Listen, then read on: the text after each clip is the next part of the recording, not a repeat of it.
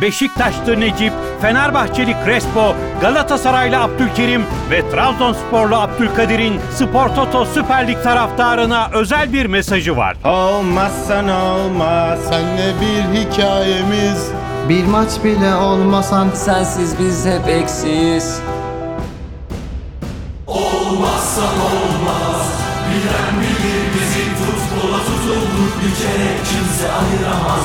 Spor Toto Süper Lig tüm coşkusu, tüm heyecanıyla futbolun tek adresi Bein Sports'ta.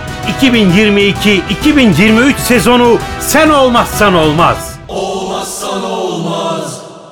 Herkese merhabalar sevgiler. Spor Toto Süper Lig heyecanını evlerinize taşıyan Bean Connect'in katkılarıyla hazırladığımız Tottiler Messi'lerin yeni bölümüne hoş geldiniz. Bugün yine tam kadroyuz. Kıyıcı Hocam nasılsınız? Bir daha soralım. Eyvallah herkese iyi akşamlar. İyiyiz Koraycığım sen nasılsın? İyidir. Ee, siz de bu anormal nemi hissediyor musunuz? Benim e, sürekli böyle nem basması şeyden mi acaba? Hastalığın geçiyor olmasından mı? Var mı sizde de şu nem? Fritz Hocam. Var var abi var. Sıkıntısı var abi. Özellikle yani hiç olmadığı kadar bu sene var. Ee, yani oturduğun zaman klimayı kapattığın andan 1 ile 5 dakika arasında fenalaşıyorsun. O, o noktada yani. Ben hiç gelemem sıcağa. Ona rağmen bu sene uzun süre klima açmamıştım ama Ağustos ortası fena vurdu. Ağustos ortası fena vurdu. Ee, kaydımız akıyor. Tamam. Hemen menüyü veriyorum o zaman. Ee, bu hafta çok keyifli bir podcast bekliyorum abiler sayenizde. Bir sürü güzel maç izledik. Fenerbahçe Adana Demir'le başlayacağız. Yine sondan gideceğiz. Güzel bir Fenerbahçe performansı izledik. Adana Demir'den de güzel bir geri dönüş izledik. Ondan sonra kırmızıyla koptu maç ama konuşulacak şeyler var maçta. Ondan sonra haftanın en iyi performansı Beşiktaş Karagümrük. Yani Beşiktaş gerçekten bütün diğer takım taraftarlarına da keşke ilk sahada böyle olsak dedirtmiştik. Dedirtmiştir. Ondan sonra iki güzel maçtan sonra haftanın maçı Antalya Trabzon. Yani biz normalde çok konuşmayı sevmediğimiz şekilde konuşacağız bence bu maçı. İki teknik direktörün müthiş satranç maçı oldu çünkü. Nuri Hoca'yı bayağı bir överiz. Ondan sonra Galatasaray e, maçını konuşacağız. E, burada Galatasaray'ı konuşurken biraz sürece odaklanıyorduk. Biraz da şey yaptım ben. E, istatistik çalıştım sizlere. Onları da not aldım Instat'tan. E, gerçekten sürece dair pozitif şeyler var. Sahadaki oyun çok fazla gözümüzü tatmin etmese de. Ondan sonra da Anadolu'dan çok güzel notlar var. Harika goller izledik. Rıza Hoca'nın 600. maçı, Başakşehir, Kayseri'si, Hatay Antep, Rus ruleti, e, Süper Lig altın karmasına girme ihtimali olan stoperimiz falan filan derken gerçekten güzel bir yayın bizi bekliyor. En sonda fikstüre bakarız. Ondan sonra e, kapanış anonsumuzu da yapar. Enerjimiz kalırsa after party'ye geçeriz. Hazırsanız Fenerbahçe Adana Demir'le başlıyorum hocam. Uygundur. Şimdi e, beni şaşırtan bir kısmıyla başlayacağım bu maçın. E, ben Instat'tan işte haftanın oyuncularına bakıyorum. Instat'ın güzel bir verimlilik puanı şey var. Ben de e, hem Euroleague'den hem NFL'den biz bu fantasy futbol oyunlarından aşinayız. E, seviyorum oraları kurcalamayı. Bu haftanın en iyi ikinci sol beki e, Fenerbahçeli Lincoln Instat'a göre. Yani e, Lincoln'un performansı ile ilgili bir derdin yok. Zaten güzel çok koştuğunu, çok iyi e, çok yardımcı olduğunu, ağır savunmasına falan e, görmüştük sahada da. Ama Instat bu konularda nettir yani. Nerede oynuyorsan oradasındır. Instat sol bek olarak değerlendirmiş.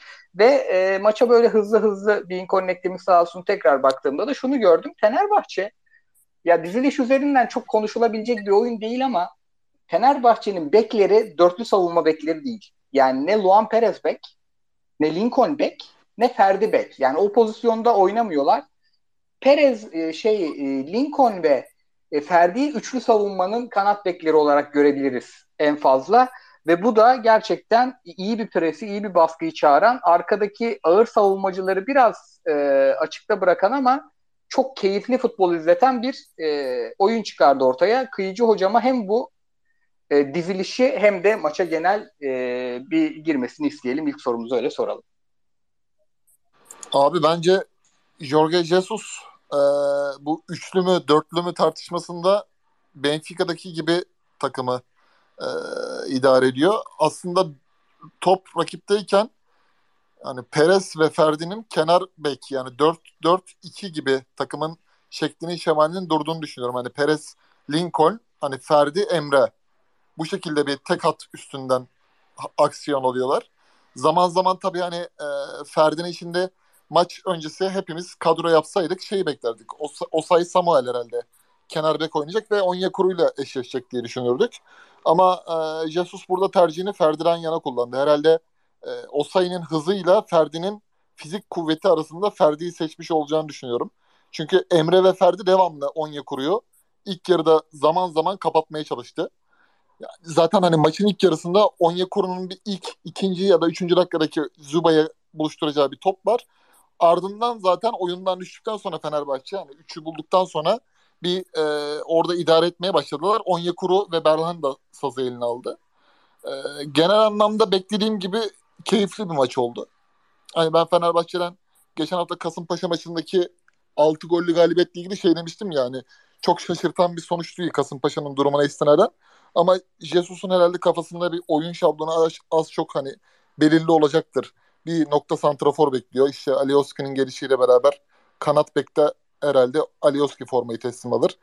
Ee, bu Zalai'nin partneri de sınırdan dolayı iyileşirse Serdar ya da işte Perez. Yavaş yavaş bazı noktaları tamamladıklarını düşünüyorum kadroya yapısı itibariyle.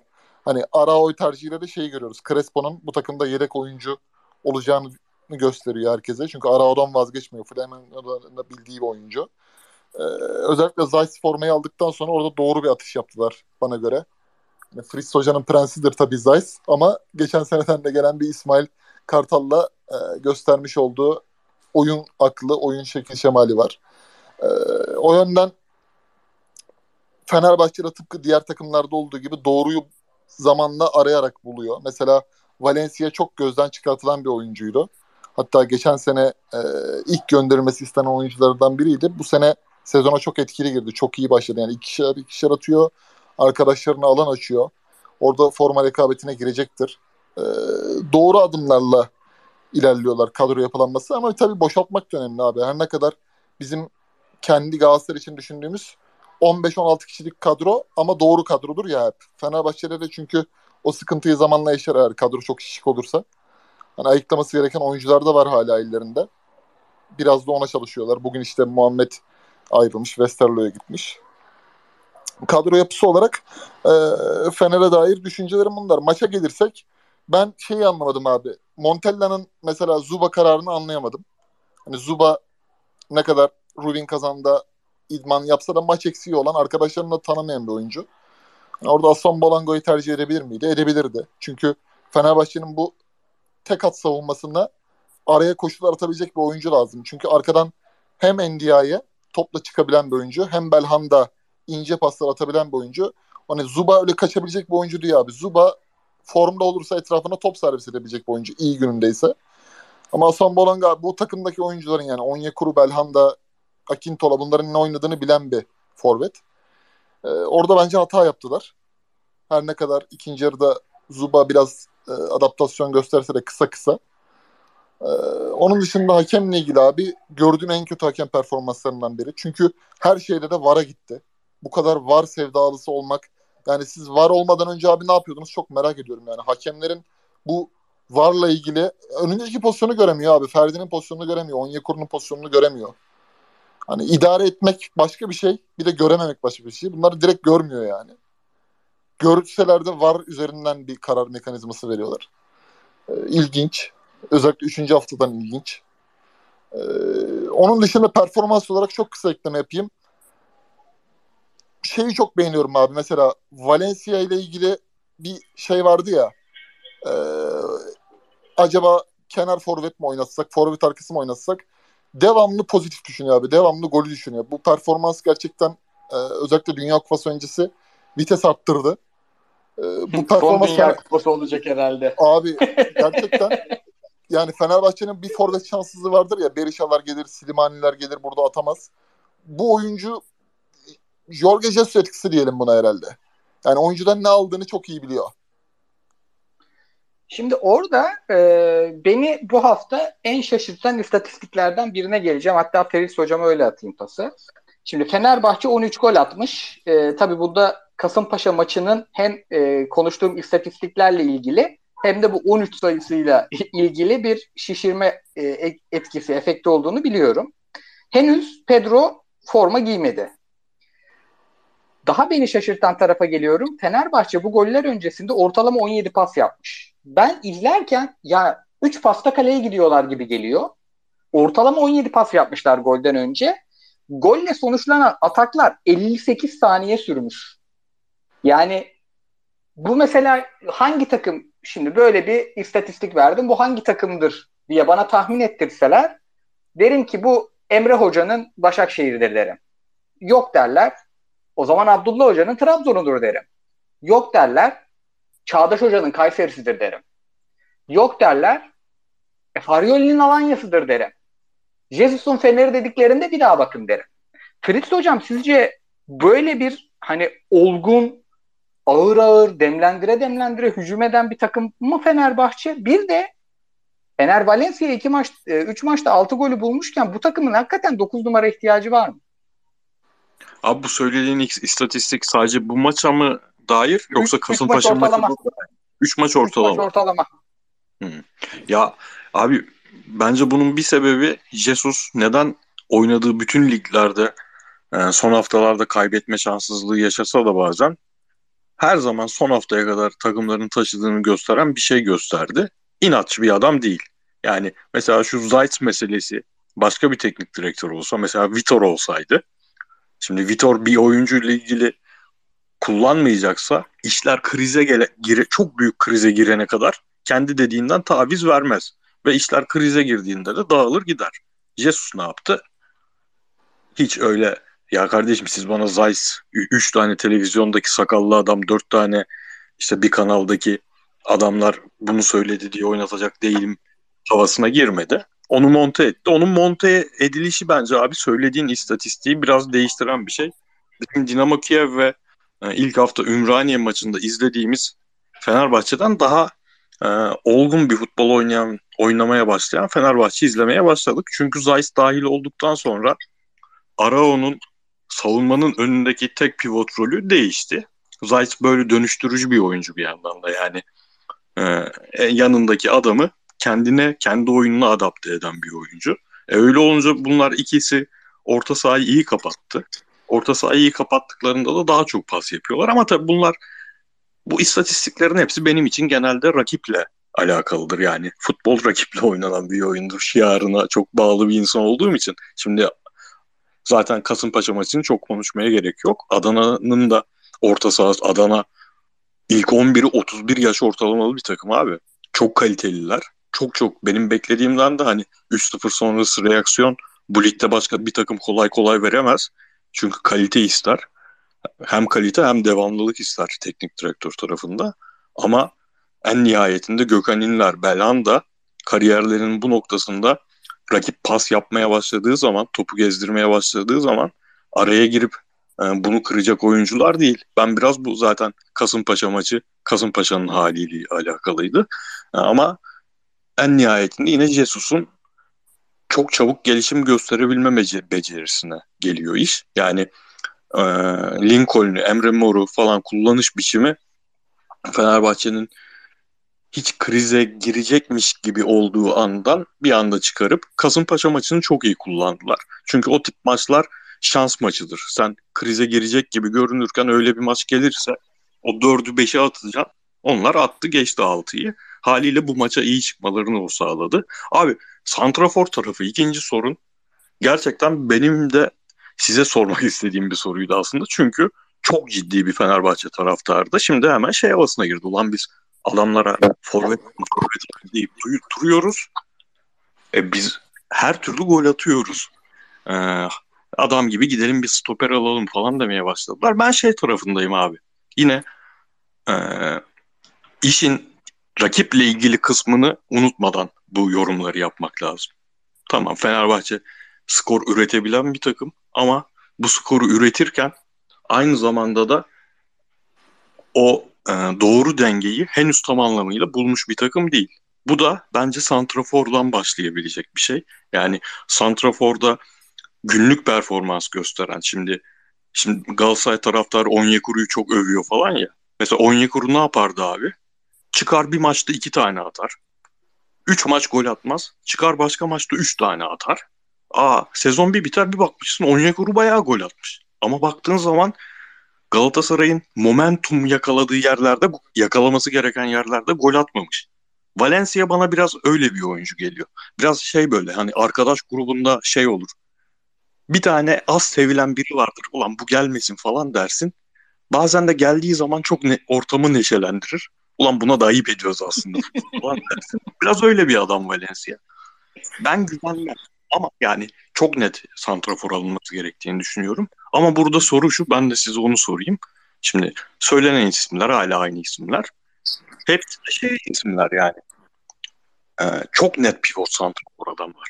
Bu Jesus'un hem önde baskıya destek verecek hem top uzun atıldığında iki pasta koşu yapması gereken bir pası verip hemen çok süratli bir şekilde yüzünün kaleye dönmesi gereken bir santrafor istiyor gibi bu oyun ama ismi geçen oyuncular öyle değil. Siz ne diyorsunuz mesela Maxi Gomez gelse bu takımın oyununu yeniden değiştirmesini gerektirir mi? Yoksa o klasmanda, o kalitede bir santrafor her türlü oynar mı? Şimdi Fenerbahçe maç başına 16 tane orta yapıyor içeri. Ligin ortalaması 13. Yani şey orta üzerine kurulu bir hücumları yok. Ama çok şu en çok orta yapan isabetli maç başına takım. Maç başına 6 tane topu kafaya konduruyor bunlar. Dolayısıyla e, böyle bir iki tane kanat bekinin oynadığı da bir oyunu hayal ediyorsa Jorge Jesus e, ve elinde Joshua King gibi, Ener Valencia gibi, Pedro gibi zora düştüğünde o birinci forvet işini yapacak. Ama aslında mesleği ikinci forvetlik olan oyuncular da varken ben forvet alacaksam pivot santrfor alayımı anlayabiliyorum. Ama bak geçen hafta anlayamıyordum. Çünkü geçen hafta yani Kasımpaşa maçının bir işte rakibin 10 kişi kalmasından ve rakibin kötü olmasından ki hoca bıraktı gitti zaten. Ee, bu Fenerbahçe kolay gol atamayacak bir takım gibi geliyordu. O zaman hatta şey demiştim ya Belotti gibi oyuncu Galatasaray'a lazım, şey gibi Icardi gibi oyuncu Fener'e lazım diyordum kendi kendime böyle transfer haberlerine bakarken. Ama dünkü maç dediğin gibi rakiple alakalı ya oyun beni biraz manipüle etmiş olabilir. Ben Santrfor almasa da ya da bir al, e, gayet istediği golleri bulacakmış gibi geliyor. E, alacaksa da bir tane bitirici değil sağlayıcı etrafını oynatacak böyle bir pivot tip e, Santrfor tipi alması daha doğru geliyor. Kıyıcı hocama da ben pas atayım. Abi aslında e, Serdar Dursun'a çok bence yüklenildiğini düşünüyorum ya. Neden ama bak şu, şunu da söyleyeyim. Yani bir şekilde bu oyuncu rotasyonda Türkiye Kupası işte gerekirse e, Avrupa Ligi yani seni Türkiye Ligi'nde de idare edebilecek bir oyuncu ama aşırı ben Fenerbahçe taraftarının mesela gün içinde bazen tweetlerine denk geliyorum. Takip ettiğim Fenerbahçelilerden de. Müthiş bir itibarsızlaştırma var. Yani bu adam şey değil abi hani Charlotte gelmedi diye günah keçisi bu adam değil. Adam bir şekilde sana 15 gol, 14 gol katkısı. Bak dün oyundayken bile e, oy, gol şansı da var yani. Girdiği hamleler pozisyon yaratıyor. Hani gol atmasa bile bir sonraki golü giren pozisyondan önceki aksiyonda hep Serdar Dursun'u görüyorsun. Yani Serdar Dursun bu formuyla Valencia ve hatta e, Pedro. Üç tane zaten sende santrofor oynayabilecek oyuncu var. Artı Joshua gibi işte Bournemouth'ta da oynadığında hani forvet arkası gerekirse zaman zaman tek forvet oynayabilecek bir oyuncu da var. Etti 4. Şimdi bunları düşününce yatırımı başka yere kullanmak gerçekten daha iyi fikir. Hele ki dün Lemoş'u Onyekuru'nun karşısında Zuba'nın işte adam eşleştirmesinde falan görünce daha da mantıklı geliyor. Ki sen zaten Kim Minje ile ilgili e, bir satış yaptın. Oraya aldığın adamlar hala tartışılır. Şimdi böyle düşününce de mesela Jesus şeyleri düşünüyor olabilir abi. Nagelsmann'ın Bayern Münih'de dediği gibi. Biz bir şekilde golü atıyoruz. 4 haftada, 3 haftada 13 gol. Hani golde bir problemimiz yok. Ben en iyisi defansa yatırım yapayım da diye düşünebilir. Karar da değiştirebilir yani transfer döneminin sonuna kadar. Biraz ben yani şeyden de... Çünkü abi çok gitti abi bu konu. Yani sen alacaksan forveti kardeşim Haziran ayında veya Mayıs ayında alırsın bitirsin veya Beşiktaş'ın Vegors'ta aldığı zaman alırsın. Hani son gün forvet de bana çok cazip gelmiyor Fenerbahçe için. Ya biraz ben şeyden de korkulduğunu düşünüyorum. Bu sadece Fener'in değil, e, direkt şampiyonluk adayı ya da hedef büyük çok maç kazanma hedefi olan diyeyim. İşte Premier Lig'de de ilk dört hedefi olanlar var. İşte Serie A'da ilk iki var, şu var, bu var. bu Dünya Kupası öncesi e, Şampiyonlar Ligi maçları, Avrupa maçları falan her hafta oynanacak ya. Eskiden 15'te bir, 3 haftada bir izlerdik o maçları. Şimdi harbi her hafta çarşamba pazar oynayacaklar.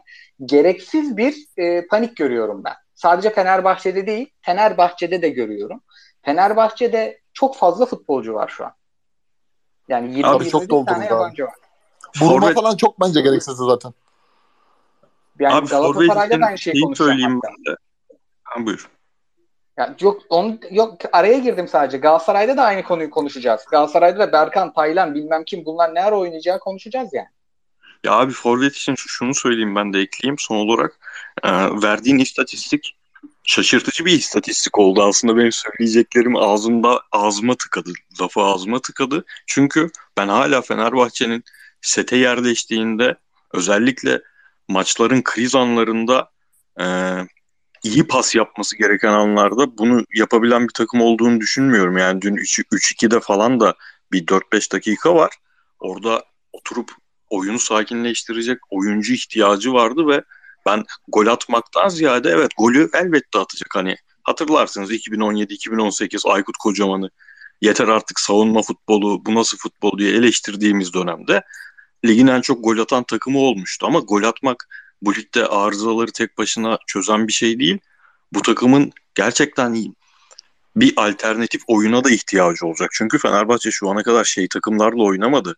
Şimdi eee kime örnek vereyim? Giresunspor'un yaptığı o, o savunma organizasyonuna sahip bir takımla oynamadı. Öyle bir takımla oynadığı zaman ben şu anki forvetlerin hiçbirinin o oyunu, o e, sabırlı pas yapması gereken ve oyunu sete yıktığı zaman geri koşturmayacak e, oyunu şu anki santroforlarla yapabileceğini düşünmüyorum. O yüzden ben yine de ilk gideceğim yer şu an bu kadro içinde stoper yerine orası olur diyorum. Ama şey çok eğlenceli yani. Ee, hani ilk defa uz- uzun zamandır ilk defa 3 İstanbul takımı da kazandı. 3 senedir çok nadir görülen bir doğa olayı bizim ligimizde. Ama e, Jorge Jesus futbolunu bizim 7 sene önce ulan keşke Türkiye'ye gelse dediğimiz adamın gelip aynı heyecanı aynı heyecanda maçları izlettirmesi çok keyifli. O, Adana Demir gibi bir rakibe karşı da yapması ekstra özel oldu bence Fenerbahçe'nin. Şu en azından son iki haftayı şeydeki transfer pazarındaki sakin geçirmesi açısından. Daha mantıklı kararlar vermesini sağlayacaktır şu maçın skoru.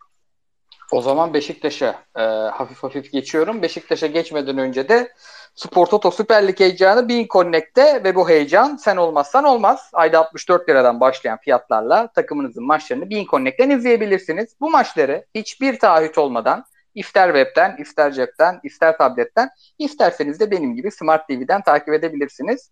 Açıklamadaki YouTube şey pardon podcast'te açıklama linkimize de sizleri bekliyoruz. Oraya tıklayıp kampanyadan faydalanabilirsiniz diyelim ve haftanın bence en iyi performansına geçelim. Beşiktaş'ın Fena Beşiktaş öveceğin gibi bir his var içimde hadi bakalım. büyük öveceğim. Büyük öveceğim. Kendimi tekzip ederek öveceğim bir de. Ee, bence yani uzun süredir izlediğim en iyi e, 60 dakikaydı. Şampiyonluk futbolunu ikinci, üçüncü haftadan oynadı Beşiktaş.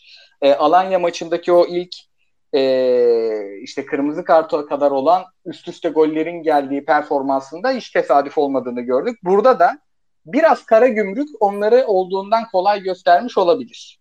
Ancak bu o baskının, o pozisyon zengi. Ya ilk 5 dakikada top 5 kere direkten döndü ya.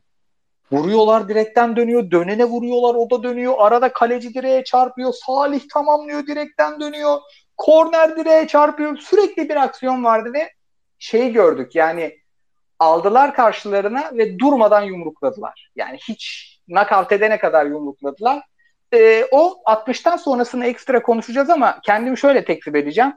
Ben Muleka Gezzal Weghorst düşmüşsünü çok merak ediyordum. Büyük keyifli izleyeceğiz diyordum. Abi Muleka çıkar, Enkudu girer. İnanılmaz bir Enkudu izledik. Ama sorum şu. Şimdi ee, şöyle gireyim hatta. Galatasaray, Fenerbahçe, Beşiktaş, Trabzon hala transfere devam eden takımlar. Ve hala da bence her takım bunların tamamı Trabzon biraz daha az yapabilir. 3-4 transfer yapacaklar. Beşiktaş bir yabancı stoper. Dele Ali bir yerli orta saha aldı. Bir tane daha yerli bakıyormuş. bu e, yani daha takımların kurulma aşamasındayız. Ama ona rağmen ya Beşiktaş bize sanki final ürünü gösteriyor yavaş yavaş abi. Ne diyorsun Fritz? O baskı, o pres yani bu, bunu oynar zaten bu takım. Abi bir kere ben Valerian İsmail'e gerçekten çok sinir oldum. Çünkü böyle performanslar böyle ligin ikinci, üçüncü haftasında gelen böyle performanslar bir şeye inanıyorsun. Ulan diyorsun bu hoca şöyle bir hoca. Bunun takımında böyle bir takım. Sonra öyle bir maç oynuyor ki senin söylediğin her şey kendi içinde ulan ben niye bu kadar coşmuşum sorusunu sordurmaya başlıyor. O yüzden çok sinir oldum.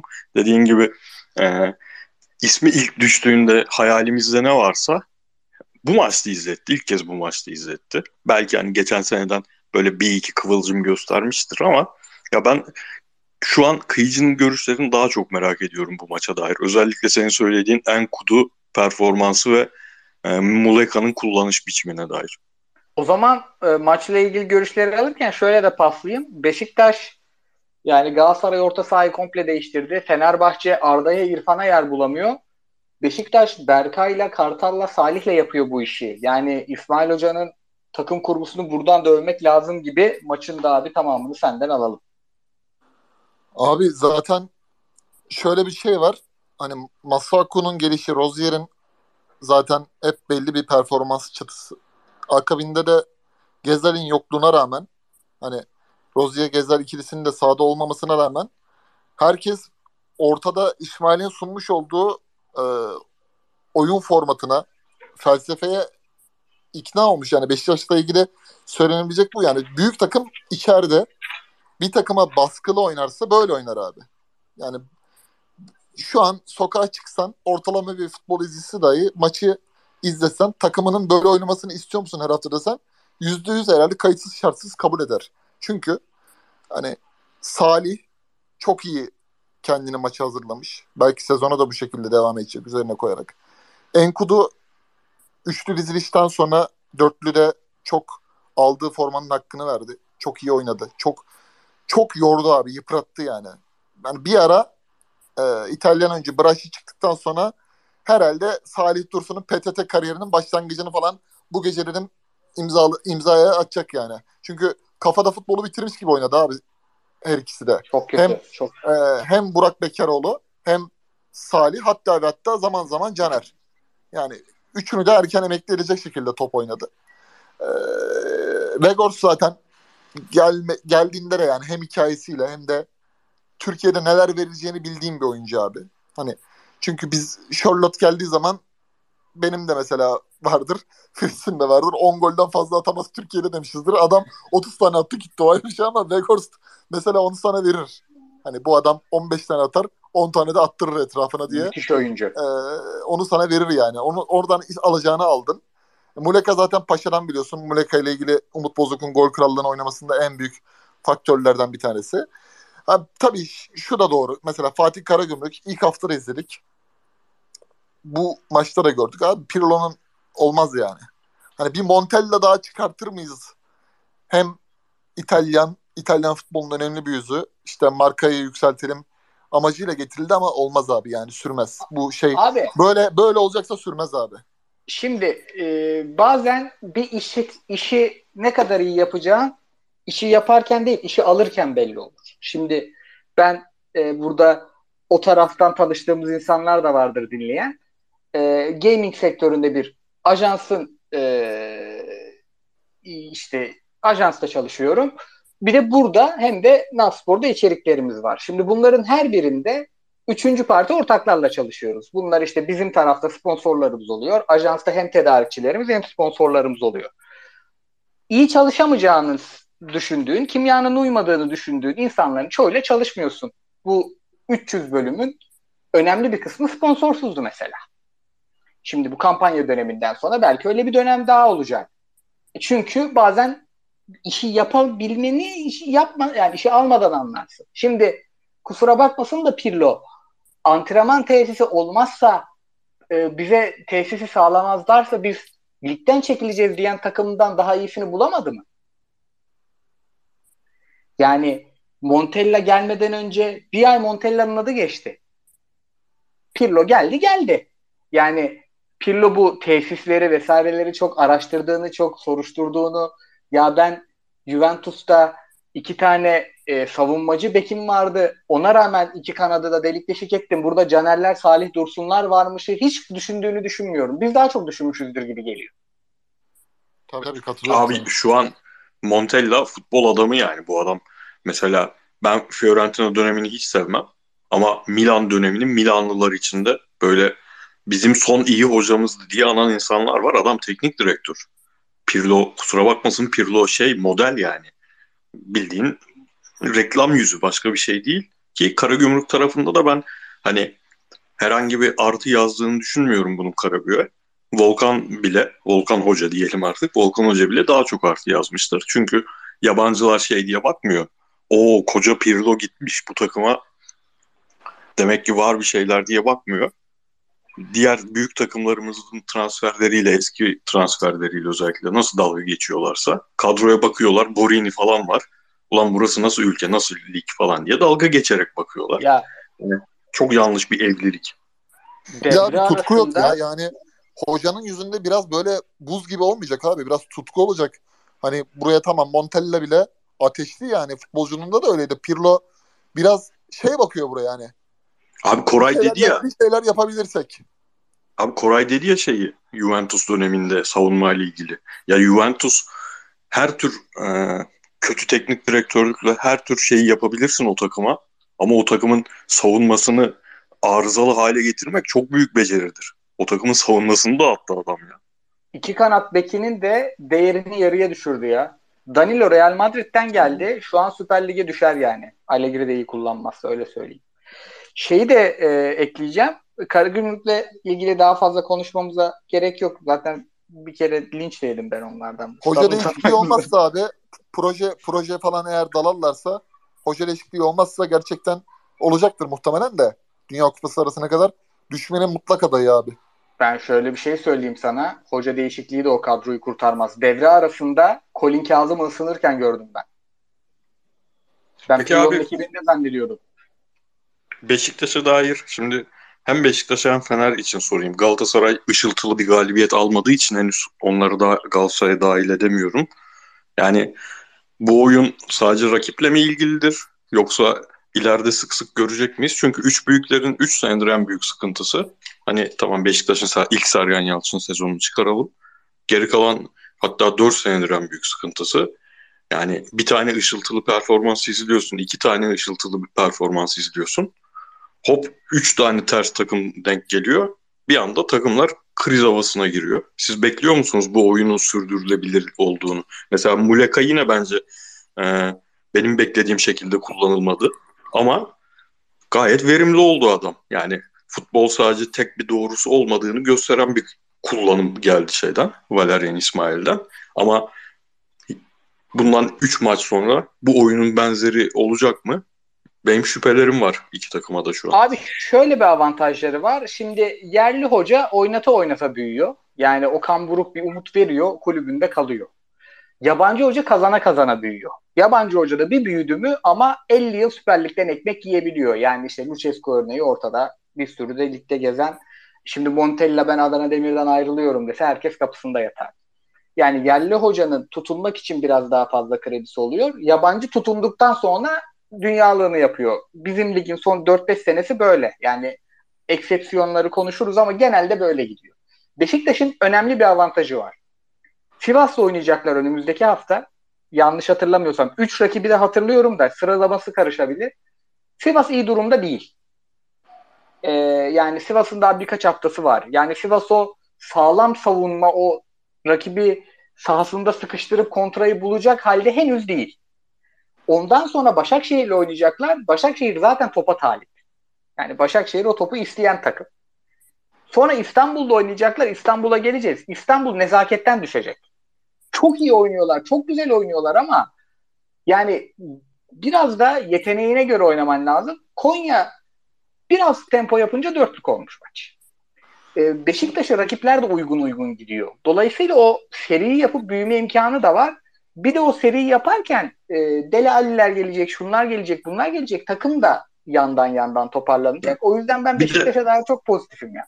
Şöyle bir artıları var. Ya ben abim inanılmaz negatiftim yani yaz döneminden hazırlık maçlarındaki hallerinden beri ilk iki maçtaki e, oyun oyundan beri gayet yani bunun böyle devamlılık kazanarak çözülecek sorunlar olduğunu düşünmüyordum.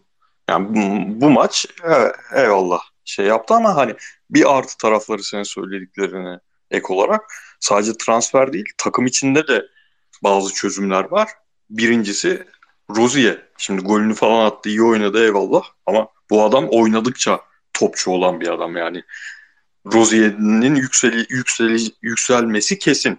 E, Masuaku yeni oyuncu kesin yükselecek. Jetson yani Jetson kötüyken bu kadar iyi oynadılar. Jetson 10 üzerinden yani kendi %90'ıyla oynamaya başladığı zaman o zaman da başka bir şey konuşacağız. Yani kendi içinde 11 içinde bile bu maçta çıkan 11 içinden bile yükselecek 3-4 tane rahat oyuncu var. O ciddi bir avantaj olacak.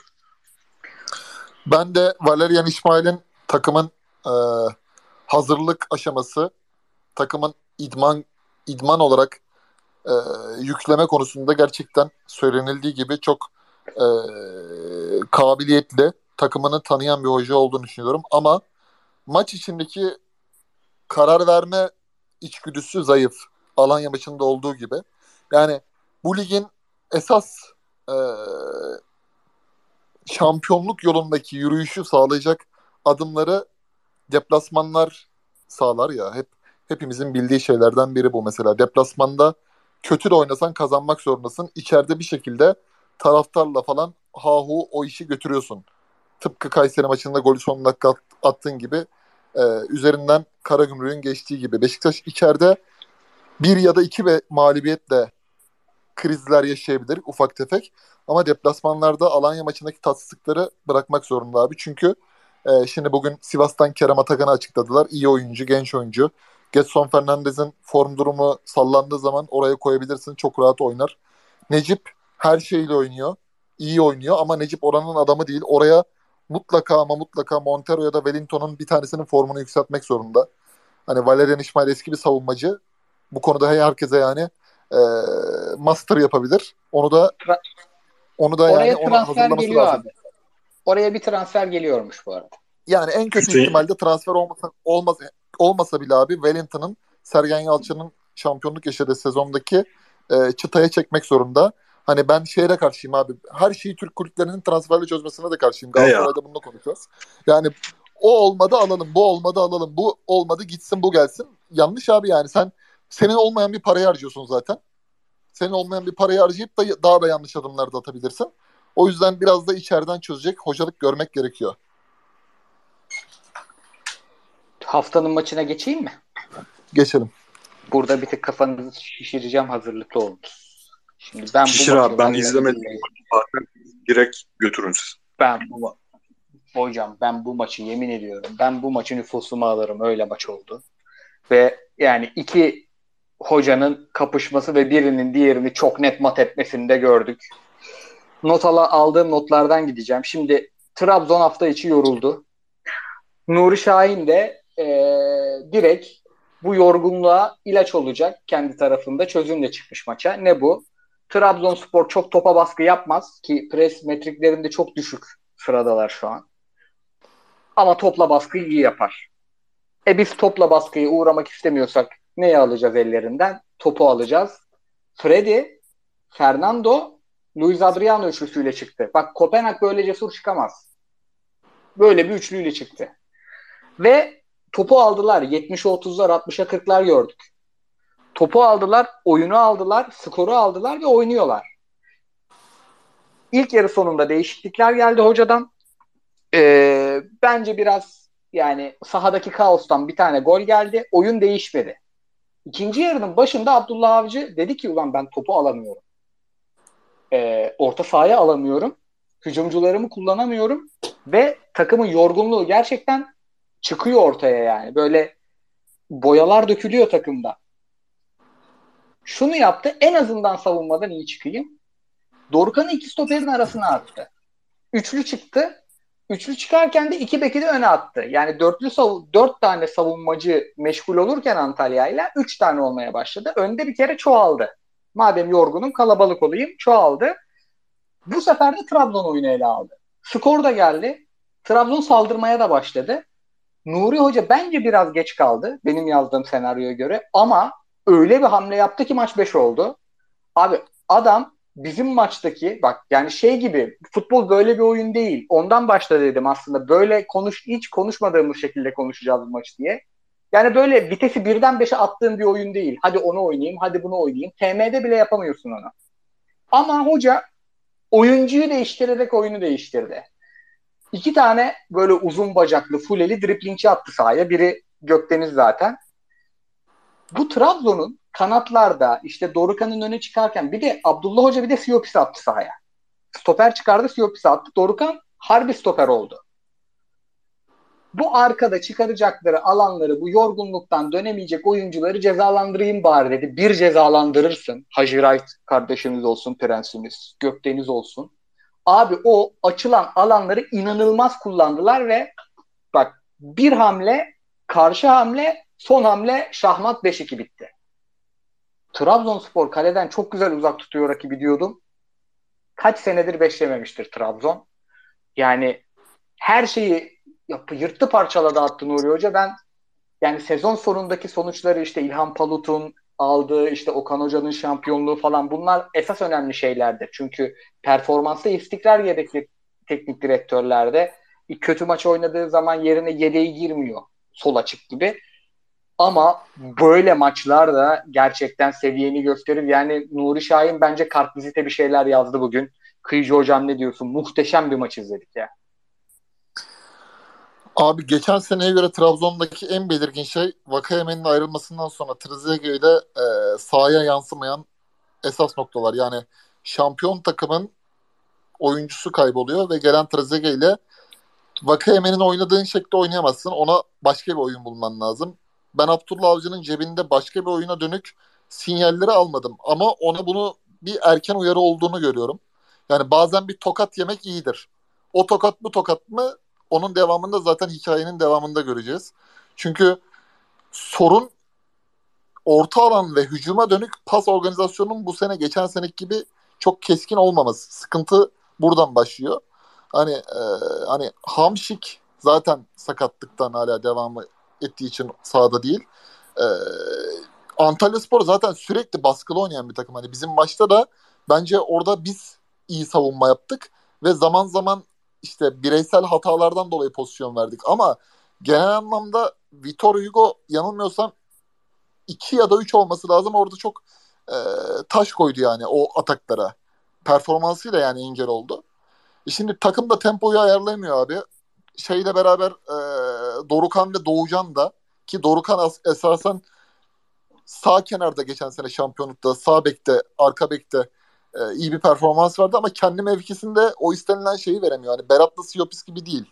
Yani Berat Siopis, Bakasetas bu üçlünün gününde olduğunda hani içeride dışarıda oynadığı oyunu da az çok biliyoruz. Sıkıntılar var ama bu bazen büyük takımlar için iyi bir çözüme dönük e, refleks neticesi midir göreceğiz. Ben biraz akıllarında tabii Kopenhag serisinde olduğunu düşünüyorum. Oyuncularda da o belli. Yani Antalya Spor'un Ya. tabii ki nefis performansını e, es geçmiyorum ama Trabzon'la ilgili bir Kopenhag'dan gelen zihinsel ve fiziksel yorgunluk hala hazırda mesela Enis Badri geçen hafta konuştuk Levante'den gelen oyuncu çok değişik bir oyuncu. Tam Türkiye Ligi için e, stili tehdit oluşturabilecek bir oyuncu. E, süre daha erken alabilirdi. Maç kadrosunda da yer alabilirdi. Mesela o bile bir kıvılcım yarattı. Oralarda seni tutabildi. 2-2'ye kadar getirebildi.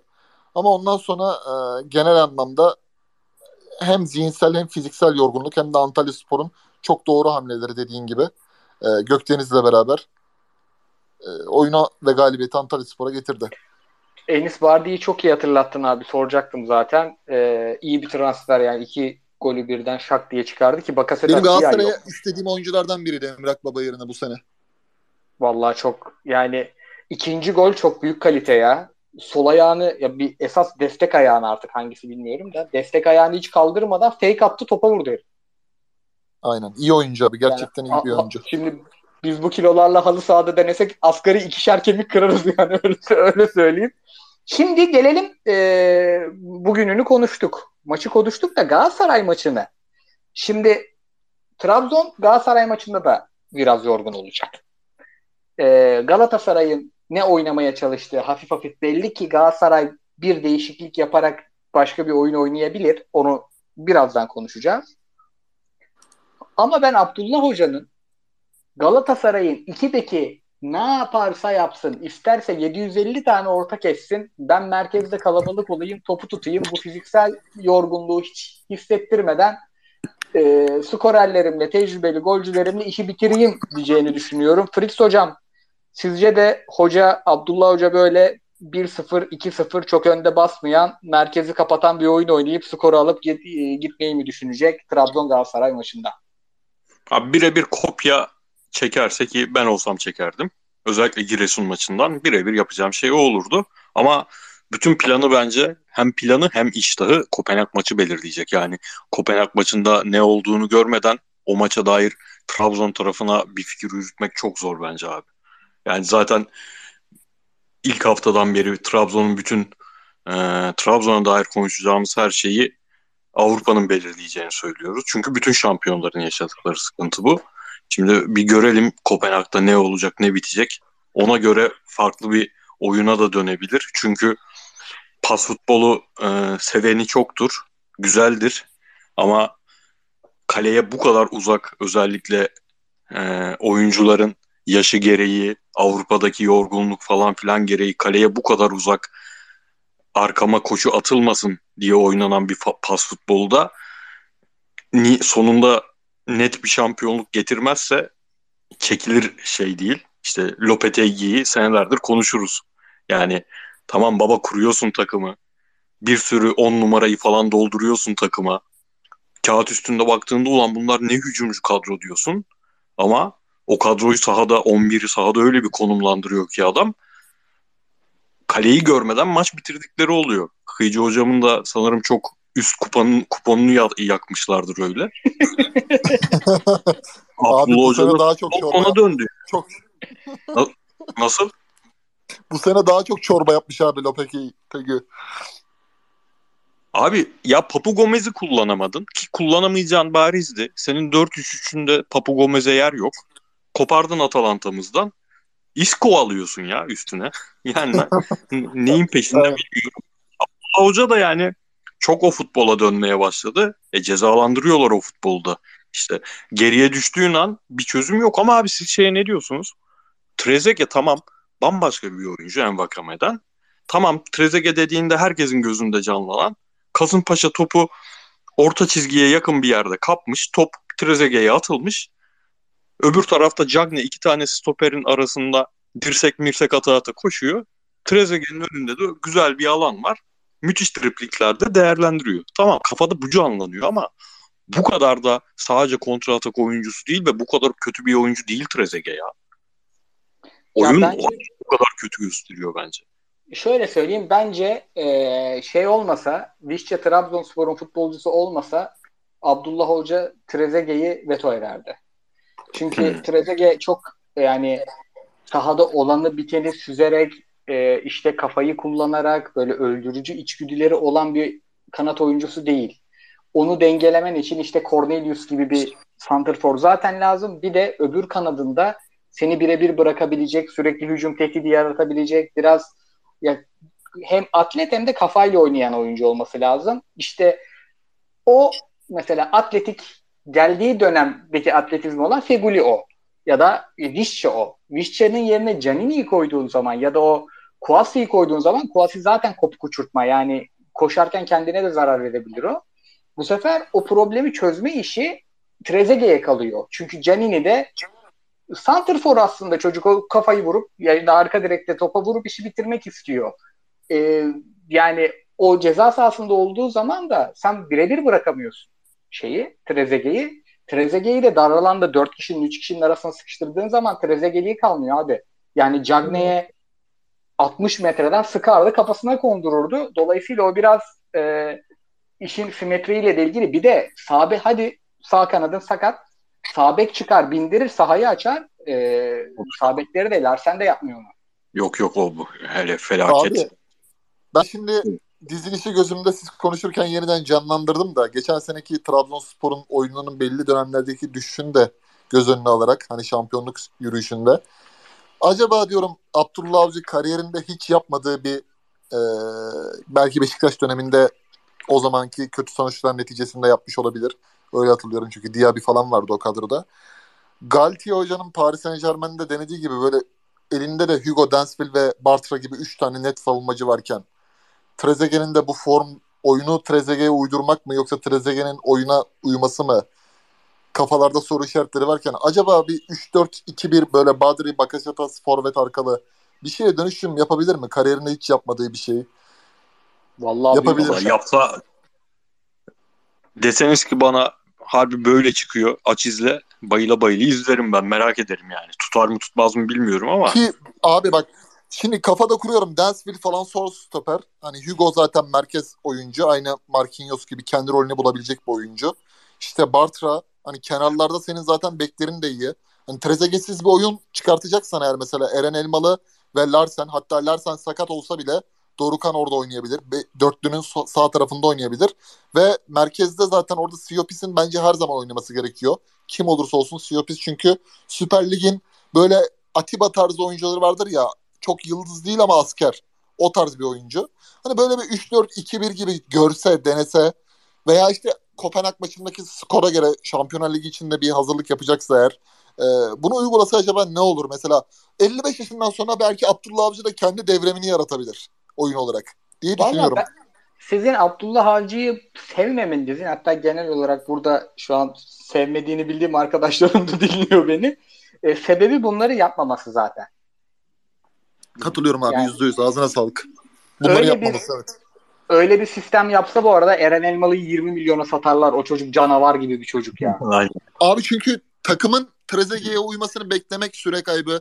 Trezeguet'in takıma uymasını beklemek süre kaybı. Yani Vakayeme'nin varmış gibi oynayamazsın abi. Dünyada böyle bir şey yok yani. Şimdi Paris Saint Germain Neymar'ı elden çıkarsa Dembele'yi alsaydı Dembele'den Neymar'lık beklemezdi herhalde. Başka bir şey uydururdu. Doğru. Tabii canım. Doğru da Koray az önce öyle bir isim söyledi ki 5 dakikadır beynimin içinde bazen bana Fritz'in sesi bana hiç gelmiyor. Kıyıcı sende de var mı sıkıntı? Şu an geldi kesildi geldi. şimdi nasıl? Şu an iyi. İyi şu an geldi. Abi diyorum ki az önce öyle bir isim telaffuz ettin ki 5 dakikadır kafamda bazen bana gelir gider seni dert etmeler çalıyor. Feguli. O kadar hayatımdan beynimden çıkarmışım ki ya. Valla Feguli bir takımla Kenarda- anlaşmadı değil mi?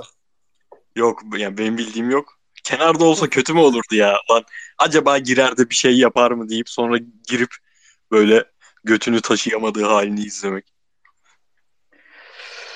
Diyelim, diyelim, diyelim. İsterseniz Galatasaray'a geçelim. Olur abi.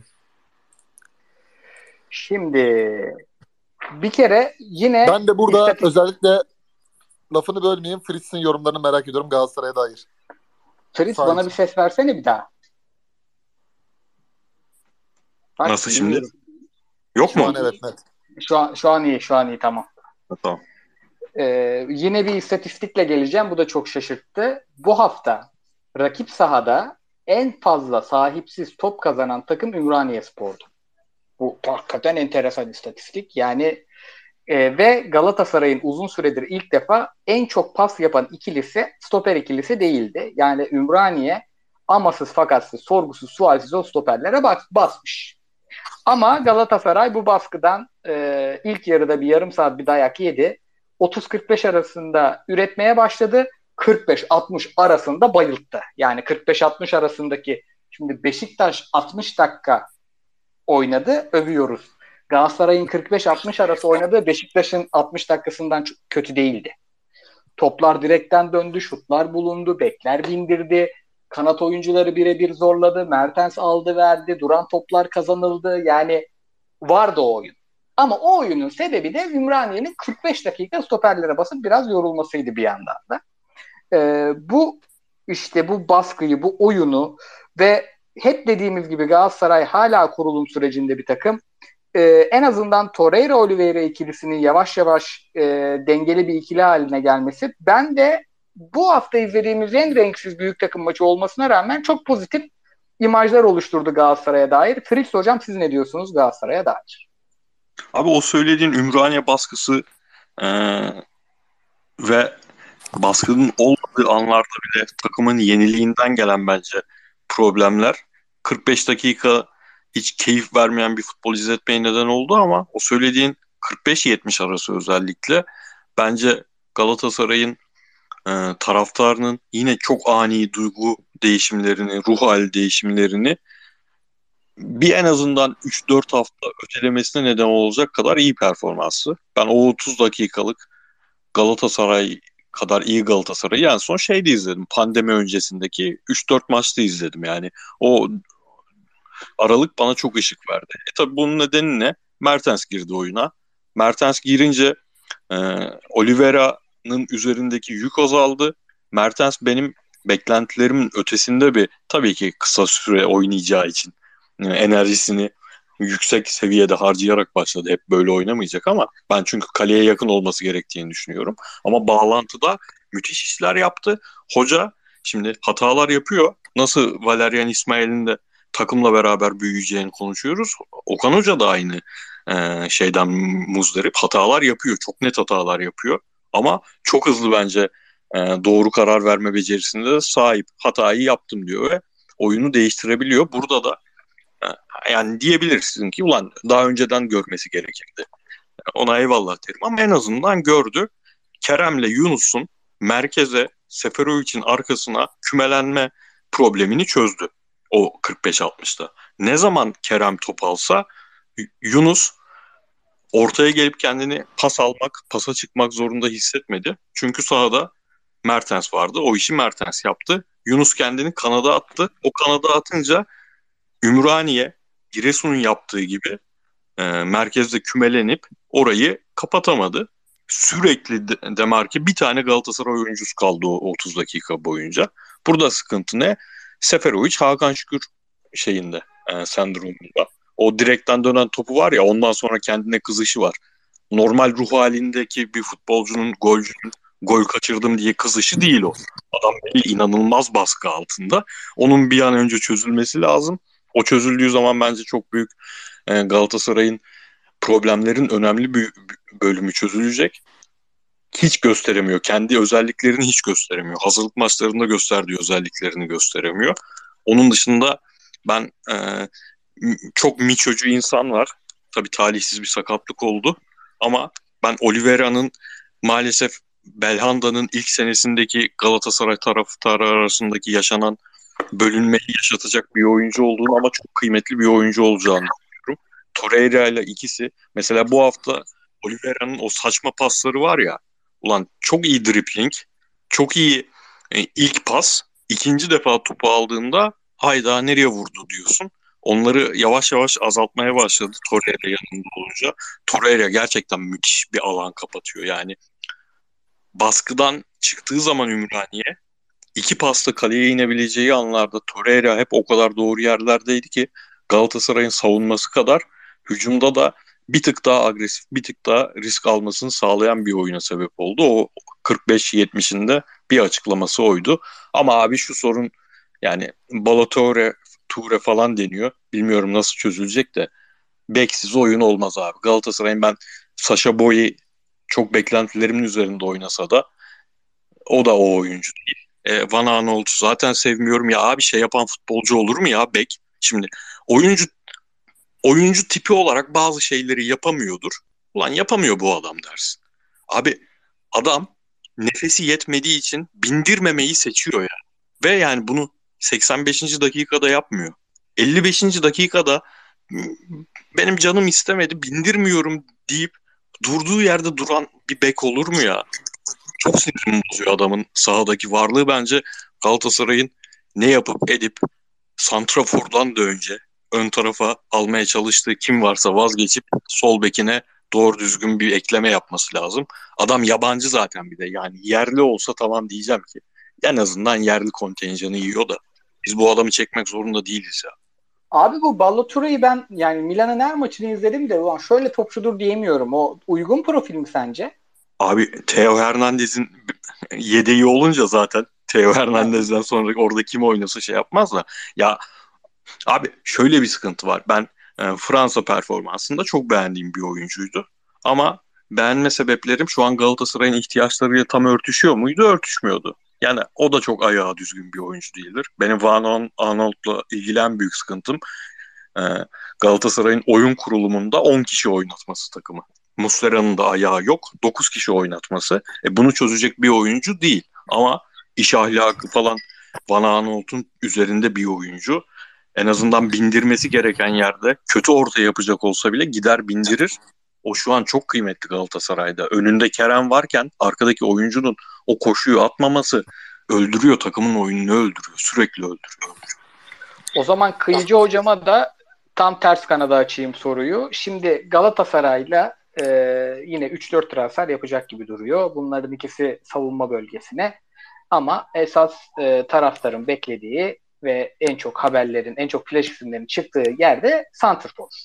Galatasaray e, işte Belotti Roma ile imzalıyormuş. İşte Icardi isimleri geçiyor ve bunlar yabancı basından çıkıyor. E, bir 9 numara alacak gibi duruyor. Şimdi Galatasaray'ın en büyük derdi genelde oyuna Mertens girince çözülüyor. Hücumdaki bağlantı işi.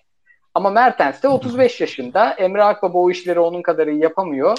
İyi bir santrfor geldiğinde Haris Seferovic'i Mertens'in e, rotasyonunda değerlendirip santrfor rotasyonunu Icardi, Gomis olarak düşünebilir mi sence Galatasaray? Çünkü böyle düşünemiyorsa bence 9 numaradan ziyade o bağlantı işlerini yapan birine ya da Sergio Oliveira'nın 10 numara oynamasına ihtiyacı var gibi Galatasaray.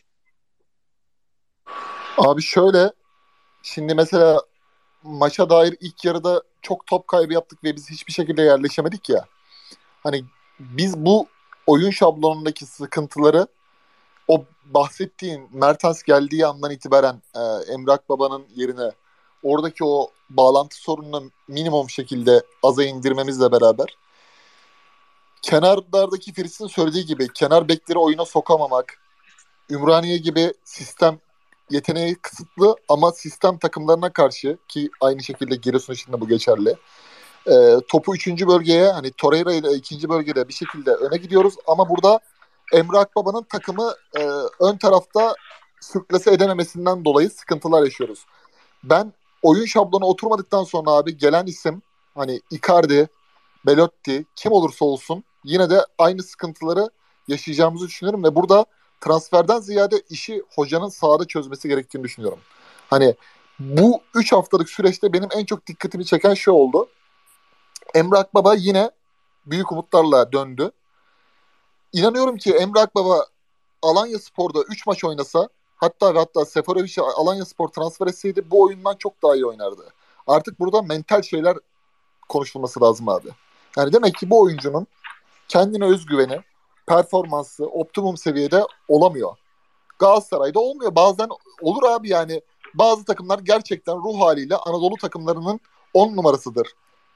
İstanbul'a geldiği zaman olmaz ama tekrardan oraya döndüğünde oynar. Emre bize onu gösteriyor. O zaman ne abi olacak?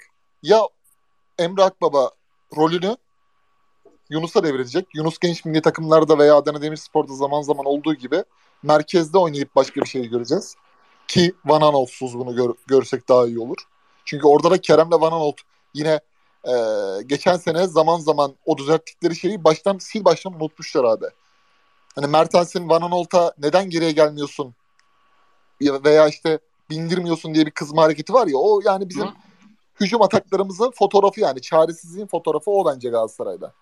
Hani çünkü eliyle iki kere yaptı. Orada da teknik direktörün devreye girmesi lazım abi. Yani oyuncuların yarın öbür gün kavga çıkar buradan da. Hani sen niye işte gelmiyorsun? Sen niye o ona bağırır, o ona bağırır. Ondan sonra geçen seneki Giresun maçı gibi bir felaket daha yani sezonun ilk haftalarında. Bunu çözmek lazım abi. Ben çok net biçimde Emre'nin kafada ruhsal artık olduğunu inanıyorum abi. Adamın ayakları şey yapmıyor yani. Seferovic'in kaçırdığı golde de mesela orada Seferovic'in kaleye vurması gerekti. Normal bir santrafor onu yapar. Orada bile yani, yani böyle gidecek hali yok, dermanı yok yani hani. Onun dışında ikinci şey şu. Kerem'le ilgili vücut dilini açıkçası beğenmiyorum. Doğru. Böyle geçen seneki Avrupa Ligi'ndeki motivasyonuyla oynamıyor. Bu çok belli. Hani Kerem'in Okan Buruk'un gelmesinden sonra yeni bir teknik adam. Sana belki yeni şeyler vaat edecek. Belki sen Avrupa'ya bu sene gidemedin. Kafandaki şey hayal kırıklığı oldu. Çünkü sezon başında Mayıs'ta veda gibi bir tweet attın. Instagram'da ve Twitter'da. O gerçekleşmedi ama yeniden bir gitme şansın varsa bunu bu hocayla yaşayacaksın. Ama vücut dili ve kimyası iyi değil abi bana göre. Bunu da nasıl düzelteceğiz? Hani Twitter'da abi ben her gün Kerem'e zam, Kerem'e zam, Kerem'e zam diye şeyler okuyorum. Burada da bir idari sıkıntı var. Hani kulüp Twitter'a göre yönetilmez diye bir olay var ya gerçekten bu olay artık tadı kaçtı yani. Herkes kanaat önünde Kerem'e zamın peşine düşmüş. Abi bir dakika ya. Ya Real Madrid'de Vinicius bak Avrupa yayınlarında da bunu konuştuk. Vinicius abi 3 milyon euro para kazanıyor. Vinicius. Hazard 15 milyon euro kazanıyor. Vinicius geçen sene çift tane istatistik yaptı mı abi Şampiyonlar Ligi'ni alana kadar? Hatta bunun çoğunu da sezonun ilk haftalarında yaptı. Ben Vinicius'un falan böyle hani Hazard bu kadar alıyor diye ben böyle kıçımı başımı oynatayım diye triplere girdiğini zannetmiyorum esasen. Zaten Şampiyonlar Ligi'ni aldılar. Sezon bitti. Vinicius'a yönetim şeydir yani %100 zam olacak diye medya kuruluşlarına bir şey geçtiler. Haber geçtiler. Real Madrid info hesaplarında. Hani abi Kerem de eğer gerçekten buna takılıyorsa hani o yüzden böyle gönülsüzse ya işte Mertens bu kadar alıyor. Çikal daha şu kadar alıyor. Bu bu kadar alıyor. Ben o yüzden benim param kurda ezildi diye bir şey varsa o zaman daha büyük sıkıntılar var. idari sıkıntılar var demektir. Abi orada Zaten şöyle bir Kerem zaten abi lafı hemen bitireyim. Kerem böyle düşünmüyorsa bile Kerem böyle düşünmüyorsa bile Galatasaray bir ruhu, Galatasaray zon, Galatasaray bilmem ne, Galatasaray çocuklara bilmem ne fan. Bunlar zaten her gün yaza yaza Kerem'in aklına o zam olayını sokarlar. Ona hiç şüphem yok da. Hani Kerem'in parası Kerem'in aklına bile gelmiyorsa onu sokarlar yani. O konuda biz Ya. kimseye şey dökmeyiz yani. Eline su dökmeyiz kimsenin. önce onu söyleyelim. Şu eski yöneticiler. Abi yani havaya atın paranızı. Şu Twitter hesaplarını yemlemeyi bırakın. Aga. Abi korkunç bir şey ya. Takım daha bak Kerem daha sezona başlamadan zam yapın zam yapın. Böyle bir şey dünyada yok abi. Böyle bir şey yok. Ama orada şöyle bir 3 milyon euro alıyor ya. 3 milyon euro alıyor. Hazard 20 milyon euro maaş alıyor abi. Abi kulüp- orada Kulüp böyle yönetilir. şöyle bir dert de var ama o şimdi ne Kerem'in suçu ne kulübün suçu. O bizim e, yasaklamayla e, döviz kaçı, kaçışını engelleyeceğini düşünen devletimizin suçu. Bak şimdi biri 3 milyon alıyor, diğeri 15 alıyor ama aynı para birimini alıyor ya bunlar. Biri Euro 7 lirayken yaptığı sözleşmeyi TL'den, Aynen. diğeri Euro 20 lirayken yaptığı aynı sözleşmeyi TL'den. Abdülkerim de iki katını alıyor Kerem. Yani bu bunda suçlu yok. Bunda suçlu devlet. Türk futbolcusuna TL kontrat yapmak zorunluymuş. Yabancıya istediğin gibi yapıp hocalara da böyle. Bunun için trip atan hocalar da var bu arada. Ya ne manası var abi bu kuralın? Yani şimdi milyonlarca vergisini sileceksiniz yine bu kulüplerin.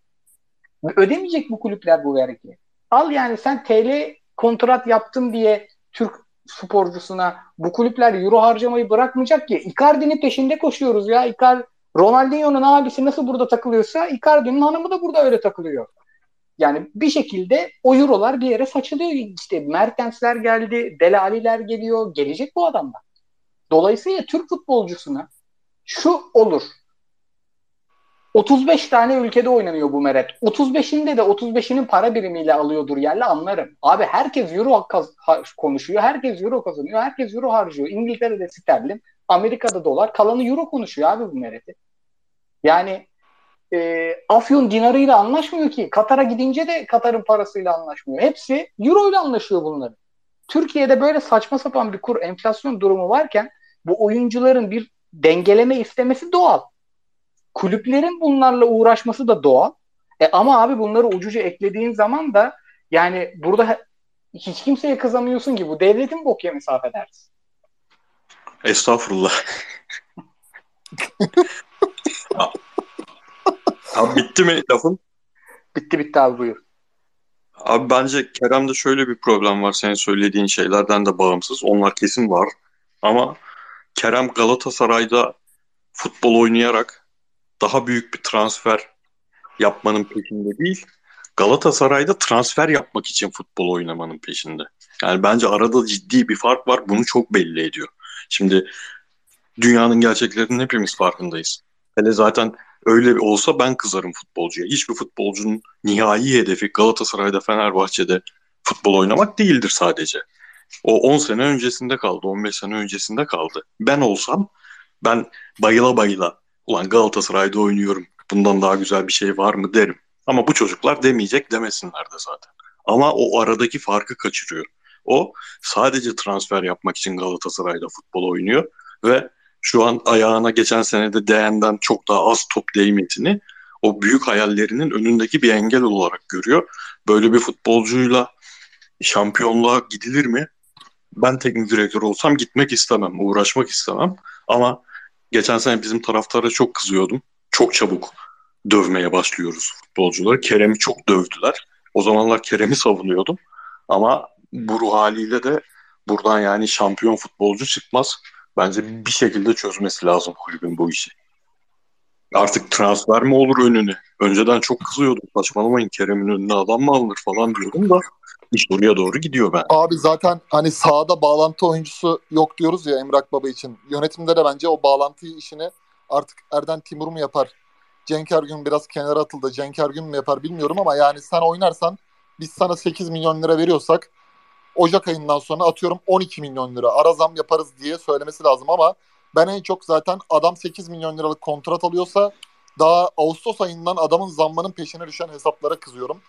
Bu yani iyi bir yol değil abi. Her şeyi nasıl transferle çözmek, oyuncu gelişimini görmemek iyi bir yol değilse bu da bence iyi bir yol değil yani. Yarın öbür günde şimdi Yunus hadi tamam Yunus'un gerçekten maaşı düşük ama adamın zaten bir top oynama motivasyonu vardı. Bilmem ne hesabı her gün Yunus'un zam, Yunus'a zam diye hashtag yazarsa abi o zaman işler çorba oluyor. Öyle. Net katılıyorum. Abi takıma dair bir de unutmadan şeyi söyleyeyim. Evet. Ya bence mesela Fenerbahçe çok net bir 0-0 takımı. Şimdi rakipler üzerinden konuştuk oyunu. Rakipler de Fenerbahçe'nin bu kadar çok gol atmasına davet eden rakipler. Eyvallah. Ama Fener bu ligde Ümraniye, Giresun dahil hangi takımla oynarsa oynasın 0-0 müthiş oynayacak. O belli. Galatasaray'da çok 1-0 takımı gibi geliyor bana. Üçüncü maç oldu. Daha 1-0 oynayamadı takım. Bir tanesinde 1-0 buldu maç bitti. Öbüründe buldu 3 dakika sonra maç bitti. Önümüzdeki maçta inşallah bir böyle 20. dakikada falan 1-0 olur. Ne oynadığını asıl o zaman görmeye başlayacağız bence bu takım. Vallahi toplam 6 dakika önde kalmış Galatasaray işte.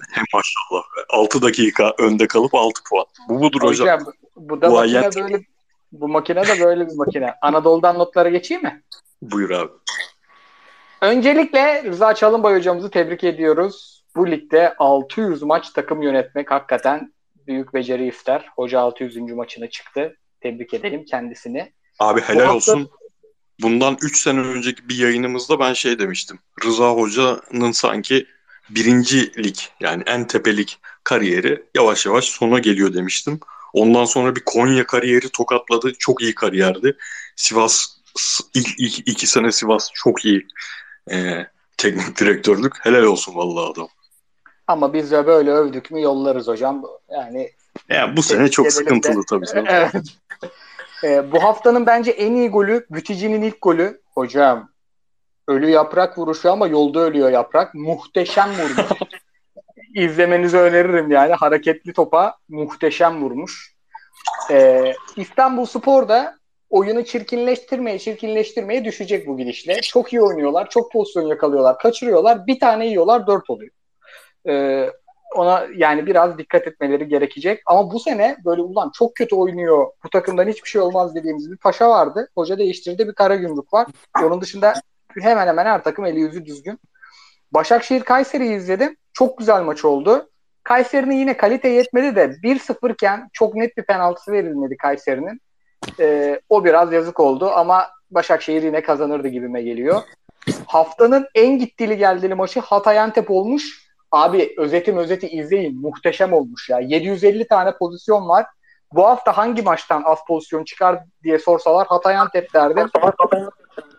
Anormal koşmuş. Bir de bende bir kıyıcı bir mikrofonu kapasana ses çekiyor senden. Eyvallah. Ee, bir de önceden bir tahmin yapayım. Ee, bence böyle oynarsa Giresun'un stoperi Alexis şeye girer. Önü sene sonu altın karmamıza girer. Herif muhteşem oynuyor hakikaten. Yani bir de öyle hiç e, şey stoperi gibi değil. Sanki büyük takımda da oynarmış gibi duruyor. E, ekleyeceğiniz bir şey varsa alalım yoksa fikstüre geçeyim. Abi Anadolu'ya hiç ekleyeceğim bir şey yok. Stoper deyince aklıma geldi onu da söyleyeyim. Ben Abdülkerim'in iyi bir stoper olduğunu düşünüyorum şu an.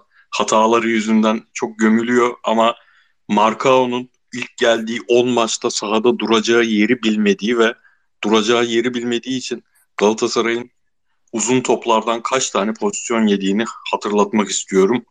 Şimdi Marcao'nun sonradan geldiği hal, halle karşılaştırsınlar. Aynı seviyede, aynı kalitede oyuncular olacak demiyorum tabii ki. Yani yaşı çok var Abdülkerim'in.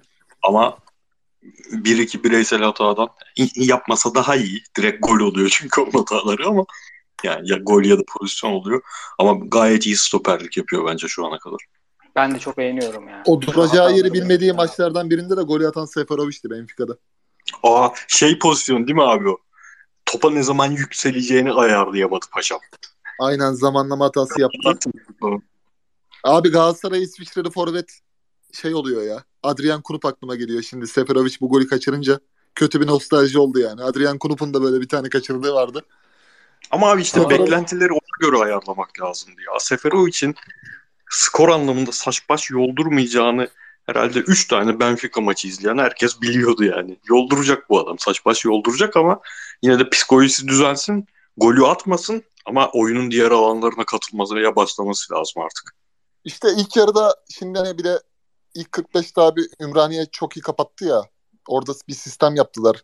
Kenardan soldan 3 kişi sağdan 3 kişi yani hem bekten stoperlere destek. Bir tane o pozisyon vardı. Orada da gol olmayınca millet biraz daha çok sinirlendi. Abi Aslında Recep 3-4 tane de top gelse Recep Uçar değil mi Ümraniye'nin hocası? aynen aynen. Aynen abi. Fenerbahçe'ni izledik bu maç. Yani bu kadar zayıf kadroyla büyük takımlara karşı belki kendi seviyesindeki takımlara karşı oynayınca patlar. Onu bilemiyoruz ama büyük takımlara karşı mü- müthiş bir düzen ya. Helal olsun herif. Diyelim bir fikstüre geçelim. Fikstürde sıkıntı var hocam. Cuma günü Antep Antalya daha iyi maç buluruz Cuma ama izlenir. Cumartesi Karagümrük Ankara gücü. Ankara gücü hiç topu bırakmıyormuş. Hiç izleyemedim. Buna bakmaya çalışacağım. Aa, ben Cumartesi günde- Ankara- 13.30'da maç yok değil mi hala? He? Cumartesi Yok abi yok. 13.30'da Daha maç yok. Avrupa'da yok. Ankara gücünün Karl Marx'tan altyapı örneği veren gerçek altyapıdan bahsederken başkanına da selam edelim. edelim. Adana Demir Ümraniye 21.45 Cumartesi. Bu güzel maç olabilir. Alanya İstanbul 21.45. Bak bu da güzel maç olur. Yani o İstanbul Sporu Alanya karşısında izlemek isterim. Pazara geçtim. Kasımpaşa Hatay. Pazar 19.15. Yani zorlar beni biraz. Pazar 19.15 bunu izleyebiliriz. Kayseri Giresun güzel maç. Bakın şimdi başlıyoruz. Pazar 21.45 Trabzon Galatasaray. Pazartesi 19.15 Konya Fenerbahçe. Pazartesi 21.45 Beşiktaş Sivas. Yani fikstür biraz e, önümüzdeki haftanın başına yığılmış gibi duruyor Avrupa maçları yüzünden ki böyle çok hafta izleyeceğiz Dünya Kupası kışın olduğu için. Konya Fener maçı bizim maçı Evet. aynen Konya Fener ona geliyor. Trabzon Galatasaray maçı ben de korkunç şekilde Abdullah Avcı ile Okan Buruk'un arasındaki maçlar nasıl bitmiş bugüne kadar ona bakma isteği uyandırdı. Vallahi bakalım. Yani Bakalım. çünkü milli takımda yardımcı antrenörü Okan Buruk'tu ya. Hı hı. Bunlar Beraber biraz çalıştık e. Abdullah Avcı'nın oyun felsefesinden kopan isimler yani. Biraz Erol Bulut Abdullah Avcı'nın felsefesinden devam ediyor bu sene Gazişehir'de. Ama Okan Buruk biraz kendi stilini yaratmaya çalışan bir hoca. Değişik bir maç olabilir. Diyelim diyelim. E, vallahi bütün haftayı toparladık. Anadolu'sunu konuştuk. Süper şey. Dört büyükleri konuştuk. Hatta güzel maçları uzun uzun konuştuk. Var mı abiler eklemek istediğiniz bir şey? Valla biz ne zaman bütün ligi 1 saat 15 dakikada konuşma aşamasına geçtik helal ya. Eskiden Hocam, 2 saat daha önce bitiriyorduk. Yavaş yavaş tecrübelenildi be.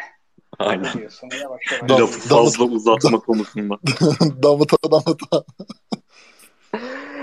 Önce tabii ki Kıyıcı Hocam, Filiz Hocam sizlere teşekkür edelim. Sonra e, sponsorumuz Bean Connect'e teşekkür edelim. Podcast'in açıklama e, kısmındaki linke bekliyoruz. Ve tabii ki de şu an bizi dinleyen herkese teşekkür edelim. Hafta yine bir araba güzel maç izleyip sizlerle olacağız. Abiler Abi, ağzınıza sağlık. Şeyi de söyleyelim. Salı günleri sadece e, Süper Lig yayınımız yok. YouTube'da Avrupa programımız yayınlanıyor. Hepimizin hesabında linkler var. Onu ya bir tıklayalım hocam lütfen. evet, evet, Yüz yüze evet. bakan insanlarız. Orada da e, orada da ilgi yüksek. Oraya da teşekkür edelim ilgi gösteren herkese. Haftaya görüşmek üzere. Hoşçakalın. Hoşçakalın. Hoşçakalın.